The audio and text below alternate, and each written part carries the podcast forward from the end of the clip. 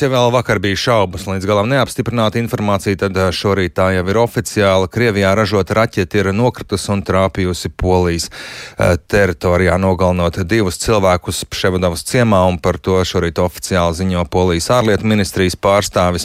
Pagaidām netiek runāts par to, kas šo raķeti izšāvis, taču tā ir Krievijā ražota. Polija ir noteikusi paaugstinātu gatavību armijā, un pēc Polijas lūguma visticamāk šodien tiksies NATO vēstnieki spēku, un arī Latvijas valdība šodien ir sasaukusi ārkārtas sēdi, lai spriestu par drošību reģionā. Šajā brīdī esmu sazinājies Latvijas aizsardzības ministru Arti Pabriku no attīstībai par labrīt!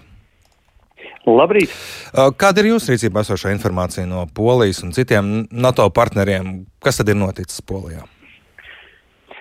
Pašlaik šodien no rīta mums ir tikai tā informācija, ka tā ir Krievijas ražota raķete, e, bet e, nav apstiprinājums vēl no militāriem ekspertiem, kas ir uz vietas šajā sprādziena vietā par to, no kurien šī raķete būtu izšauta, un man nav arī vēl joprojām oficiāli apstiprinājumi tieši par šīs raķetes tipu. Notiek spekulācijas, bet lai mēs pieņemtu pareizu politisku un arī no drošības jautājumu pareizu lēmumu eh, NATO ietvarā mums eh, vajadzētu arī savākt tieši šo informāciju gan par raķetes tipu, gan arī par iespējamajām trajektorijām un no kurienes tā un kāpēc ir tikusi šauta. Jā, tā tāda tieši ticama droši pārbaudām informācija par to, no kurienes raķete palaista, vai tā ir no Krievijas teritorijas vai Krievijas bruņoto spēku, tādas šobrīd nav. Eh, nu, redziet, viena lieta, protams, ir skaidra. Ne mēs vakar vakarā, ne šodien no rīta nerunātu par šīm raķetēm, ja Krievija nebūtu veikusi kopumā savu noziedzīgo uzbrukumu kaimiņu valstī Ukrainai. Tad vienkārši nu, šādi jautājumi nebūtu. Tā kā eh, pēc būtības tas virziens jau apmēram ir skaidrs, bet e, saprotot, ka gan e, NATO, gan vispār militārie jautājumi ir nopietni jautājumi, un tā ir nopietna organizācija, mēs, protams, vēlamies iegūt šos pārapstiprinājumus no šiem ekspertiem, kas tur strādā, jo nu, mēs varam dažādā veidā spekulēt. Tā raķeta var tikt raidīta no kādas lidmašīnas, tā var tikt raidīta arī no kādas citas teritorijas, jo mēs zinām, ka, piemēram, no Krievijas karaspēks atrodas arī Baltkrievijā. Tā var būt arī, piemēram, teorētiski uh, Ukraiņas pretgaisa aizsardzības sistēma, kas ir bijusi iedarbināta, lai izsargātos no mm, vakardienas uh, masīvā Krievijas raķešu uzbrukuma.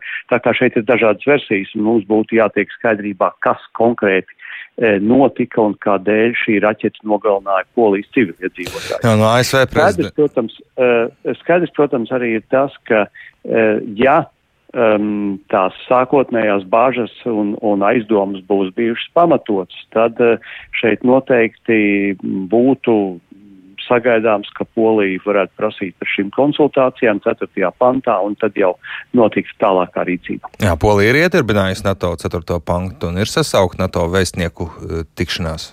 Vai ne? Kāda? E, tā ir, e, tas ir tikai NAK līmenī, tā ir NATO vēstnieku tikšanās, un mēs vēl gaidām, jo es arī esmu šodien Briselē, un aptuveni pēc uh, stundas man arī būs brīfings par to, uh, kas līdz vakardienai vai šim rītam ir, kāda informācija mums ir. Tā kā, nu, mēs, mēs arī visi gaidām šo precīzāko informāciju, protams.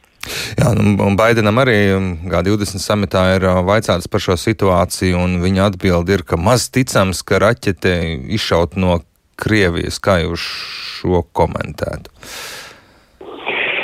Es gribētu teikt, ka um, šeit ir dažādi veidi, kā šīs raķetes tiek šautas. Un, uh, ja mēs runājam par mm, izšaušanu, piemēram, no Krievijas teritorijas, tad tas ir jautājums, vai tas būtu bijis uh, no zemes, vai, piemēram, no lidmašīnām, vai no kādas citas vietas, kā jau es minēju.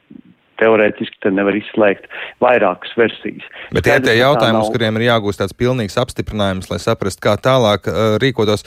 Cik būtiski ir šajā brīdī saprast, vai tas trāpījums ir tīšs vai nejaušs?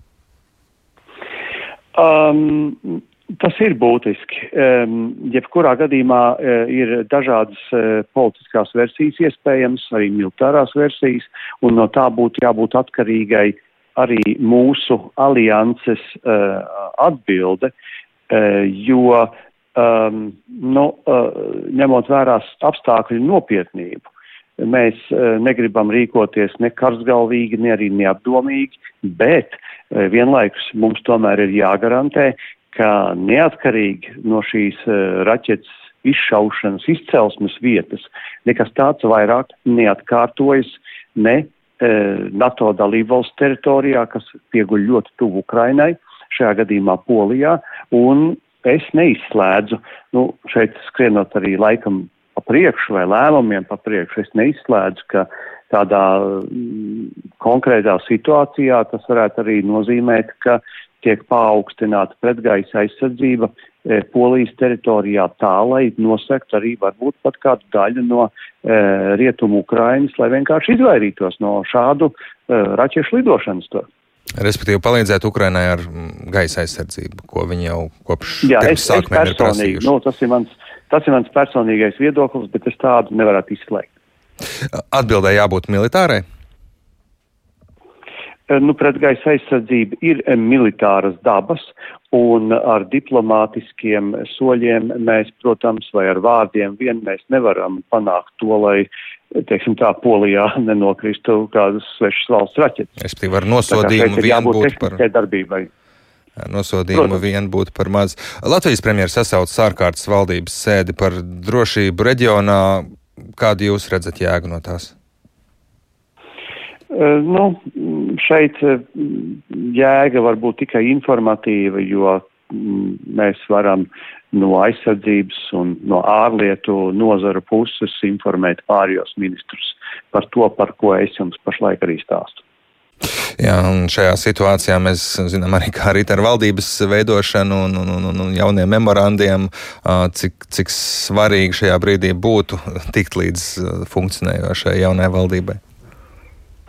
Um, ja jūs prasiet manu viedokli, protams, kā aizījošam ministram, jo agri vai vēl es savu e, amatu pametīšu, tad e, man personīgi vissvarīgākais e, šajos izaicinošajos ģeopolitiskajos apstākļos ir tas, lai e, aizsardzības nozare, kas, manuprāt, ir varbūt vislabāk funkcionējošā nozare E, Latvijā, ja mēs salīdzinām starp ministrijām, nu, lai viņi netiktu pakļauti nekādiem nevajadzīgiem riskiem vai spekulācijām un lai viņi spētu um, labi strādāt uh, arī šajā pārejas posmā, jo uh, šeit, manuprāt, tādām spo, politiskām spekulācijām un dažāda veida uh, izmēģinājumiem, kas būtu saistīti arī ar, ar um, pakļaušanu riskam uh, mūsu efektivitāti, nu, tie nebūtu vietā. Nu, tas būtu tikai mans novēlējums, bet es, protams, uh, šo situāciju pie jaunās valdības veidošanas nevaru ietekmēt. Ja. Paldies, uh, paldies jums par sarunu šorīt un atvēlēto laiku gan, gan mums, gan Latvijas radio klausītājiem. Latvijas aizsardzības ministrs Erts Pabriks no attīstībai par ar mums sarunājās.